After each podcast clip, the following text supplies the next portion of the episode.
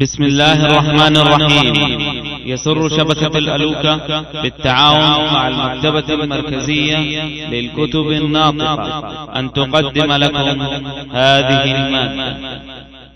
تفسير سورة المؤمنون لابن كثير. يا أيها الرسل كلوا من الطيبات واعملوا صالحا. إني بما تعملون عليم. وإن هذه أمتكم أمة واحدة وأنا ربكم فاتقون.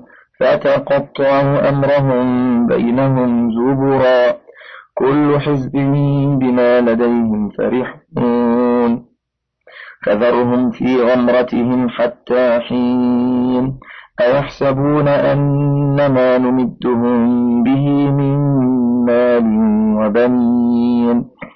نسارع لهم في الخيرات بل لا يشعرون. يأمر تعالى عباده المرسلين عليهم الصلاة والسلام أجمعين بالأكل من الحلال والقيام بالصالح من الأعمال. فدل هذا على أن الحلال عون على العمل الصالح. فقام الأنبياء عليهم السلام بهذا أتم القيام وجمعوا بين كل خير قولا وعملا ودلالة ونصحا.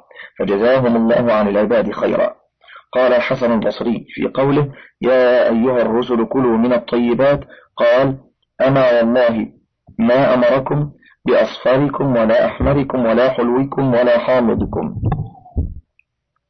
ولكن قال انتهوا إلى الحلال منه.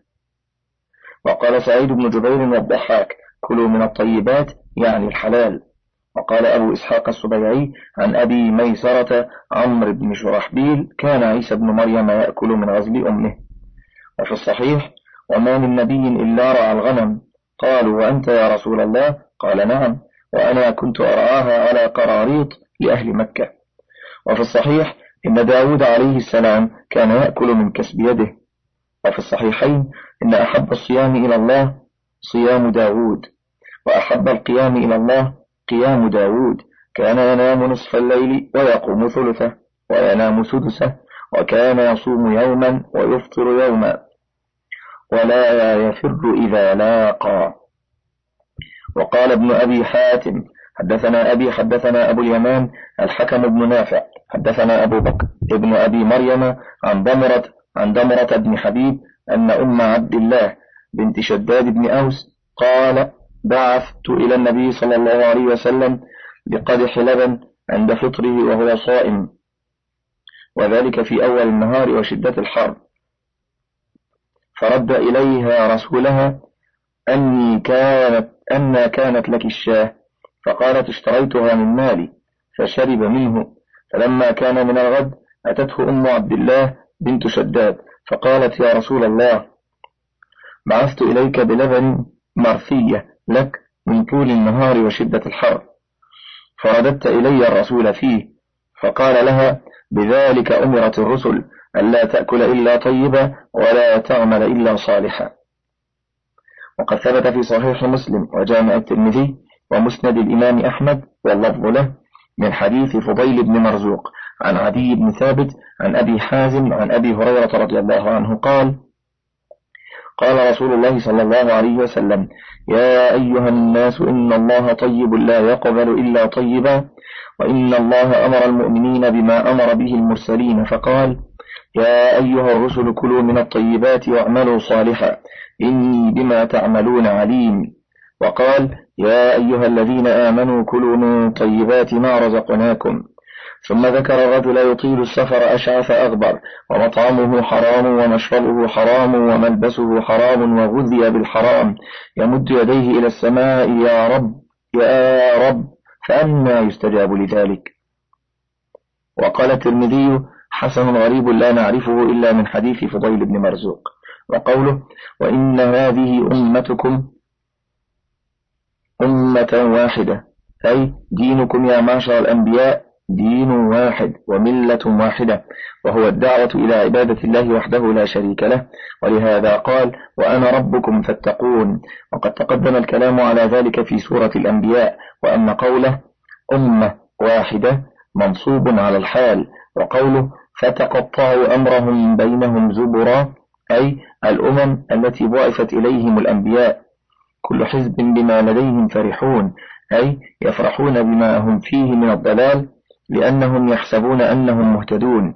ولهذا قال متهددا لهم ومتواعدا فذرهم في غمرتهم أي في غيهم وضلالهم حتى حين أي إلى حين حينهم وهلاكهم. كما قال تعالى فمهل الكافرين أمهلهم رويدا وقال تعالى ذرهم يأكلوا ويتمتعوا ويلههم الأمل فسوف يعلمون وقوله أيحسبون أن ما نمدهم به من مال وبنين نسارع لهم في الخيرات بل لا يشعرون. يعني أظن هؤلاء المغرورون أنما نعطيهم من الأموال والأولاد لكرامتهم علينا ومعزتهم عندنا. كلا ليس الأمر كما يزعمون في قولهم. نحن أكثر أموالا وأولادا وما نحن بمعذبين. لقد أخطأوا في ذلك وخاب رجاؤهم. بل إنما نفعل بهم ذلك استدراجا وإنذارا وإملاء. ولهذا قال بل لا يشعرون. كما قال تعالى فلا تعجبك أموالهم ولا أولادهم إنما يريد الله ليعذبهم بها في الدنيا في الحياة الدنيا الآية. وقال تعالى إنما نملي لهم ليزدادوا إثما. وقال تعالى فذرني ومن يكذب بهذا الحديث سنستدرجهم من حيث لا يعلمون. وأملي لهم الآية. وقال ذرني ومن خلقت وحيدا إلى قوله عنيدا. وقال تعالى وما أموالكم ولا أولادكم بالتي تقربكم عندنا زلفى إلا من آمن وعمل صالحا. الآية. والآيات في هذا كثيرة. قال قتادة في قوله أيحسبون أن ما نمدهم به من مال وبنين نسارع لهم في الخيرات؟ بل لا يشعرون. قال مكر والله بالقوم في أموالهم وأولادهم. يا ابن آدم فلا تعتبر الناس بأموالهم وأولادهم ولكن اعتبرهم بالإيمان والعمل الصالح. وقال الإمام أحمد حدثنا محمد بن عبيد حدثنا أبان بن إسحاق عن الصباح بن محمد عن مرة الهمداني. حدثنا عبد الله بن مسعود رضي الله عنه قال قال رسول الله صلى الله عليه وسلم إن الله قسم بينكم أخلاقكم كما قسم بينكم أرزاقكم وإن الله يعطي الدنيا من يحب ومن لا يحب ولا يعطي الدين إلا لمن أحب فمن أعطاه الله الدين فقد أحبه والذي نفس محمد بيده لا يسلم عبد حتى يسلم قلبه ولسانه ولا يؤمن حتى يأمن جاره بوائقه قالوا وما بوائقه يا رسول الله قال غشمه وظلمه ولا يكسب عبد مالا من حرام فينفق منه فيبارك له فيه ولا يتصدق به فيقبل منه ولا يتركه خلف ظهره إلا كان زاده إلى النار.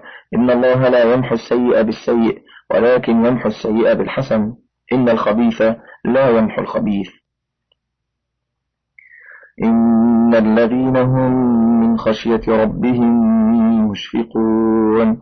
والذين هم بآيات ربهم يؤمنون والذين هم بربهم لا يشركون والذين يؤتون ما آتوا وقلوبهم وجلة أنهم إلى ربهم راجعون. أولئك يسارعون في الخيرات وهم لها سابقون. يقول تعالى إن الذين هم من خشية ربهم مشفقون أي هم مع إحسانهم وإيمانهم وعملهم الصالح مشفقون من الله خائفون منه وجلون من مكره بهم.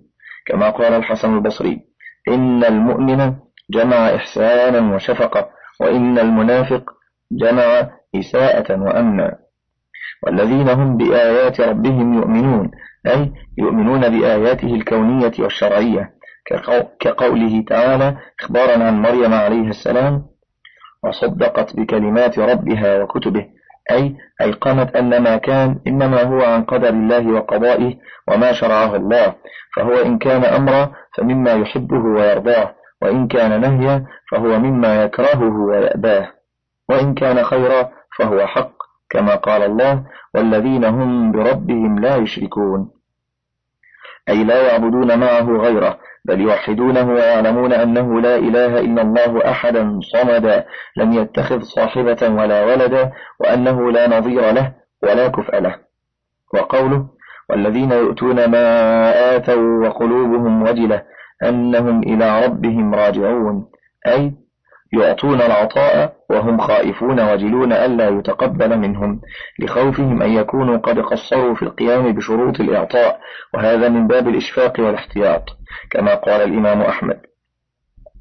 حدثنا يحيى بن آدم حدثنا مالك بن مغول حدثنا عبد الرحمن بن سعيد بن وهب عن عائشة أنها قالت يا رسول الله الذين يؤتون ما آتوا وقلوبهم وجلة هو الذي يسرق ويزني ويشرب الخمر وهو يخاف الله عز وجل قال لا يا بنت أبي بكر يا بنت الصديق ولكنه الذي يصلي ويصوم ويتصدق وهو يخاف الله عز وجل.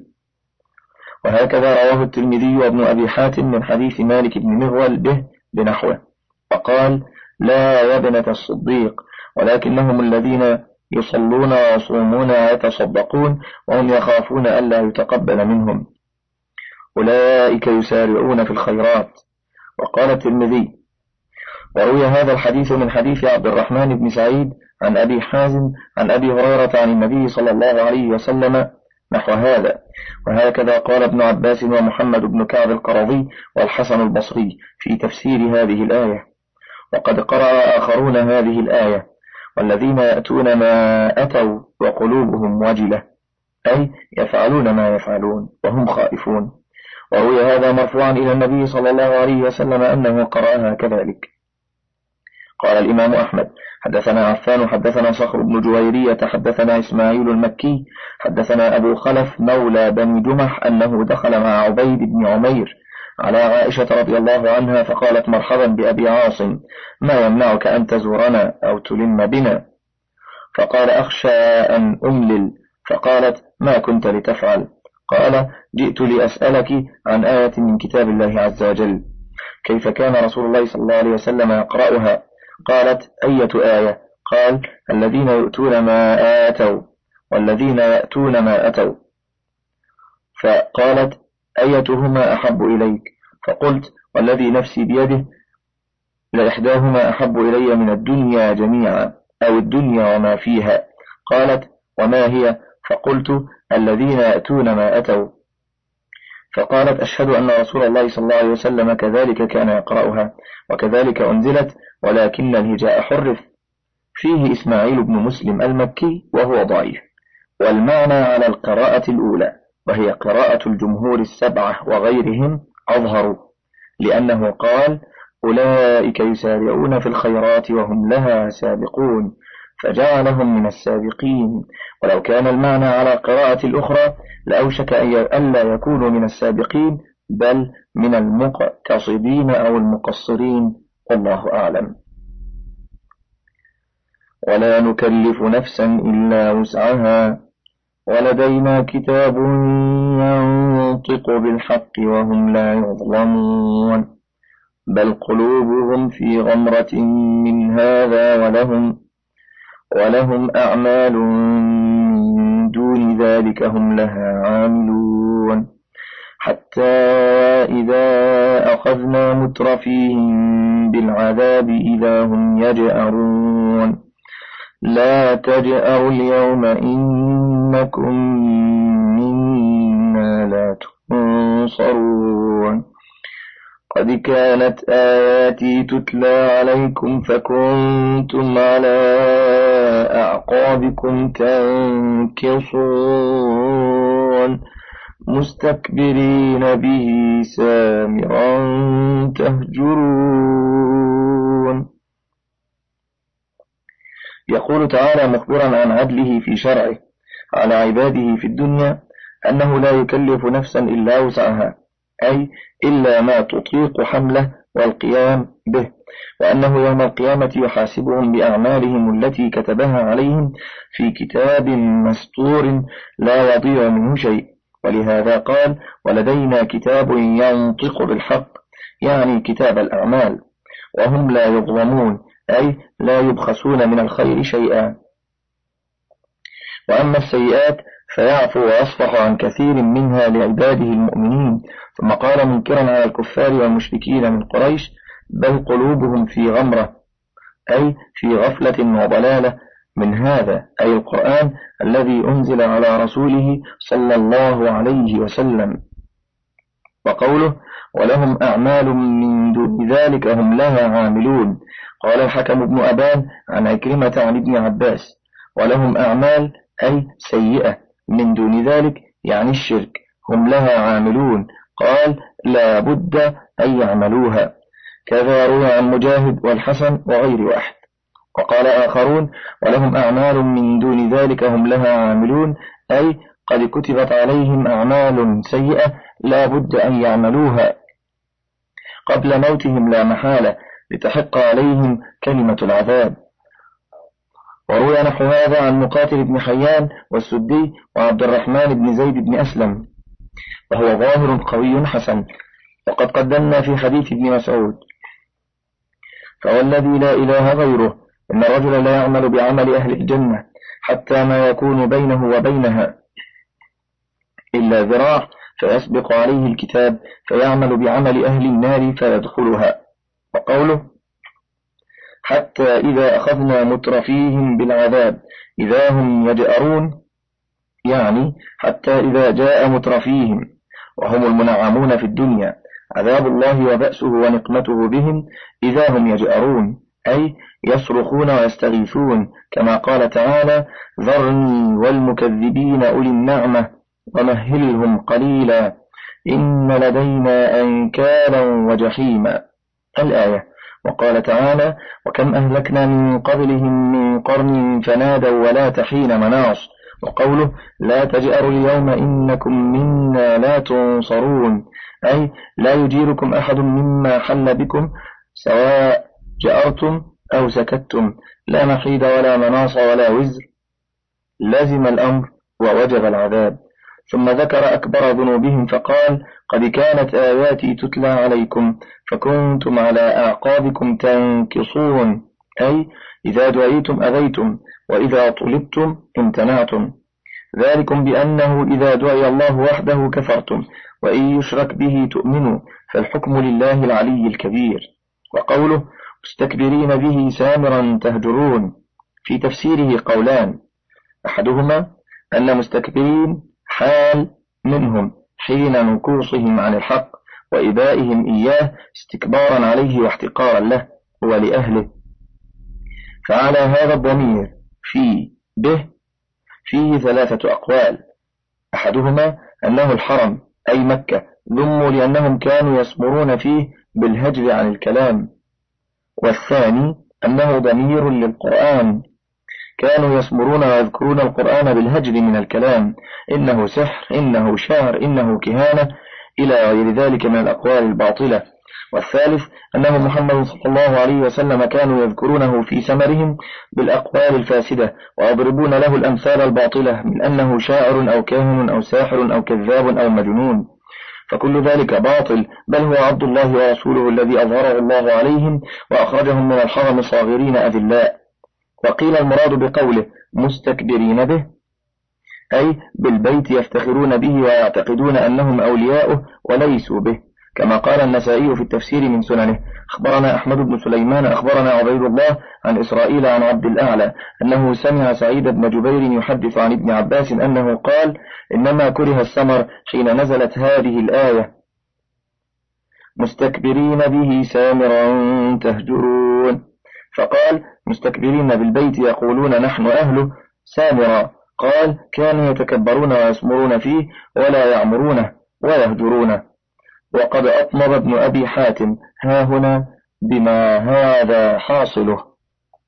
أفلم يدبروا القول أم جاءهم ما لم يأت آباءهم الأولين؟ أم لم يعرفوا رسولهم فهم له منكرون؟ أم يقولون به جنة بل جاءهم بالحق وأكثرهم للحق كارهون؟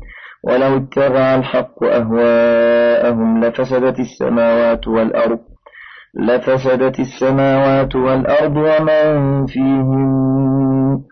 بل أتيناهم بذكرهم فهم عن ذكرهم معرضون. أم تسألهم خرجا فخراج ربك خير وهو خير الرازقين. وإنك لتدعوهم إلى صراط مستقيم وإن الذين لا يؤمنون بالآخرة لا يؤمنون بالآخرة عن الصراط لناكبون ولو رحمناهم وكشفنا ما بهم وكشفنا ما بهم من ضر للجوا للجوا في طغيانهم يعمهون يقول تعالى منكرا على المشركين في عدم تفهمهم للقرآن العظيم وتدبرهم له وإعراضهم عنه مع أنهم قد خصوا بهذا الكتاب الذي لم ينزل الله على رسول أكمل منه ولا أشرف. ولا سيما آباؤهم الذين ماتوا في الجاهلية حيث لم يبلغهم كتاب ولا أتاهم نذير. فكان اللائق بهؤلاء أن يقابلوا النعمة التي أزداها الله عليهم بقبولها والقيام بشكرها وتفهمها والعمل بمقتضاها آناء الليل وأطراف النهار كما فعله النجباء منهم ممن أسلم واتبع الرسول صلى الله عليه وسلم ورضي عنهم. وقال قتادة أفلم يدبر القول؟ إذا والله يجدون في القرآن زاجرا عن معصية الله لو تدبره القوم وعقلوه ولكنهم أخذوا بما تشابه فهلكوا عند ذلك. ثم قال منكرا على الكافرين من قريش أم لم يعرفوا رسولهم؟ فهم له منكرون. أي أفهم لا يعرفون محمدا وصدقه وأمانته وصيانته التي نشأ بها فيهم؟ أي أفيقدرون على إنكار ذلك والمباهتة فيه؟ ولهذا قال جعفر بن أبي طالب رضي الله عنه للنجاشي ملك الحبشة أيها الملك إن الله بعث فينا رسولا نعرف نسبه وصدقه وأمانته. وهكذا قال المغيرة بن شعبة لنائب كسرى حين بارزهم. وكذلك قال أبو سفيان صخر بن حرب لملك الروم هرقل حين سأله أصحابه عن صفات النبي صلى الله عليه وسلم ونسبه وصدقه وأمانته. وكانوا بعد كفارا لم يسلموا ومع هذا لم يمكنهم إلا الصدق فاعترفوا بذلك. وقوله أم يقولون به جنة. يحكي قول المشركين عن النبي صلى الله عليه وسلم أنه تقول القرآن أي افتراه من عنده أو أن به جنونا لا يدري ما يقول. وأخبر عنهم أن قلوبهم لا تؤمن به وهم يعلمون بطلان ما يقولونه في القرآن فإنه قد أتاهم من كلام الله ما لا يطاق ولا يدافع. وقد تحداهم وجميع أهل الأرض أن يأتوا بمثله إن استطاعوا ولا يستطيعون أبدا الآباد. ولهذا قال بل جاءهم بالحق وأكثرهم للحق كارهون. يحتمل أن تكون هذه جملة حالية أي في حالة كراهة في حالة كراهة أكثرهم للحق. ويحتمل أن تكون خبرية مستأنفة والله أعلم. وقال قتادة ذكر لنا أن نبي الله صلى الله عليه وسلم لقي رجلا فقال له أسلم. فقال الرجل إنك لتدعوني إلى أمر أنا له كاره. فقال نبي الله صلى الله عليه وسلم وإن كنت كارها.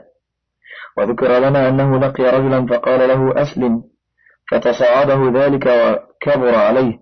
فقال له نبي الله صلى الله عليه وسلم أرأيت لو كنت في طريق وعر وعثم فلقيت رجلا تعرف وجهه وتعرف نسبه فدعاك إلى طريق واسع سهل. أكنت تتبعه؟ قال نعم. قال فوالذي نفس محمد بيده إنك لفي أوعر من ذلك الطريق. لو قد كنت عليه وإني لأدعوك لأسهل من ذلك لو دعيت إليه. وذكر لنا أن نبي الله صلى الله عليه وسلم لقي رجلا فقال له أسلم فتصاعده ذلك.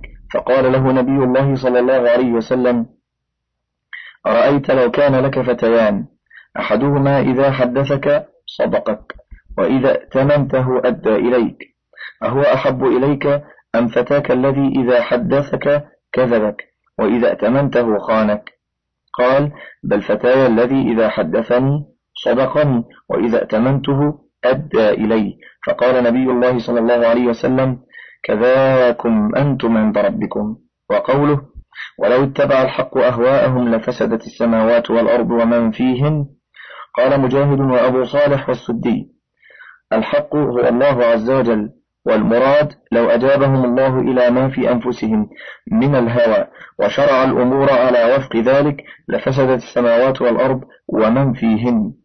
أي لفساد أهوائهم واختلافها كما أخبر عنهم في قولهم لولا نزل هذا القرآن على رجل من القريتين عظيم. ثم قال أهم يقسمون رحمة ربك؟ وقال تعالى قل لو أنتم تملكون خزائن رحمة ربي إذا لأمسكتم خشية الإنفاق. الآية. وقال أم لهم نصيب من الملك فإذا لا يؤتون الناس نقيرا؟ ففي هذا كله تبيين عجز العباد واختلاف آرائهم وأهوائهم. وأنه تعالى هو الكامل في جميع صفاته وأقواله وأفعاله وشرعه وقدره وتدبيره لخلقه تعالى وتقدس فلا إله غيره ولا رب سواه. ولهذا قال بل أتيناهم بذكرهم أي القرآن فهم عن ذكرهم معرضون. وقوله أن تسألهم خرجا؟ قال الحسن أجرا. وقال قتادة جعلا. فخراج ربك خير.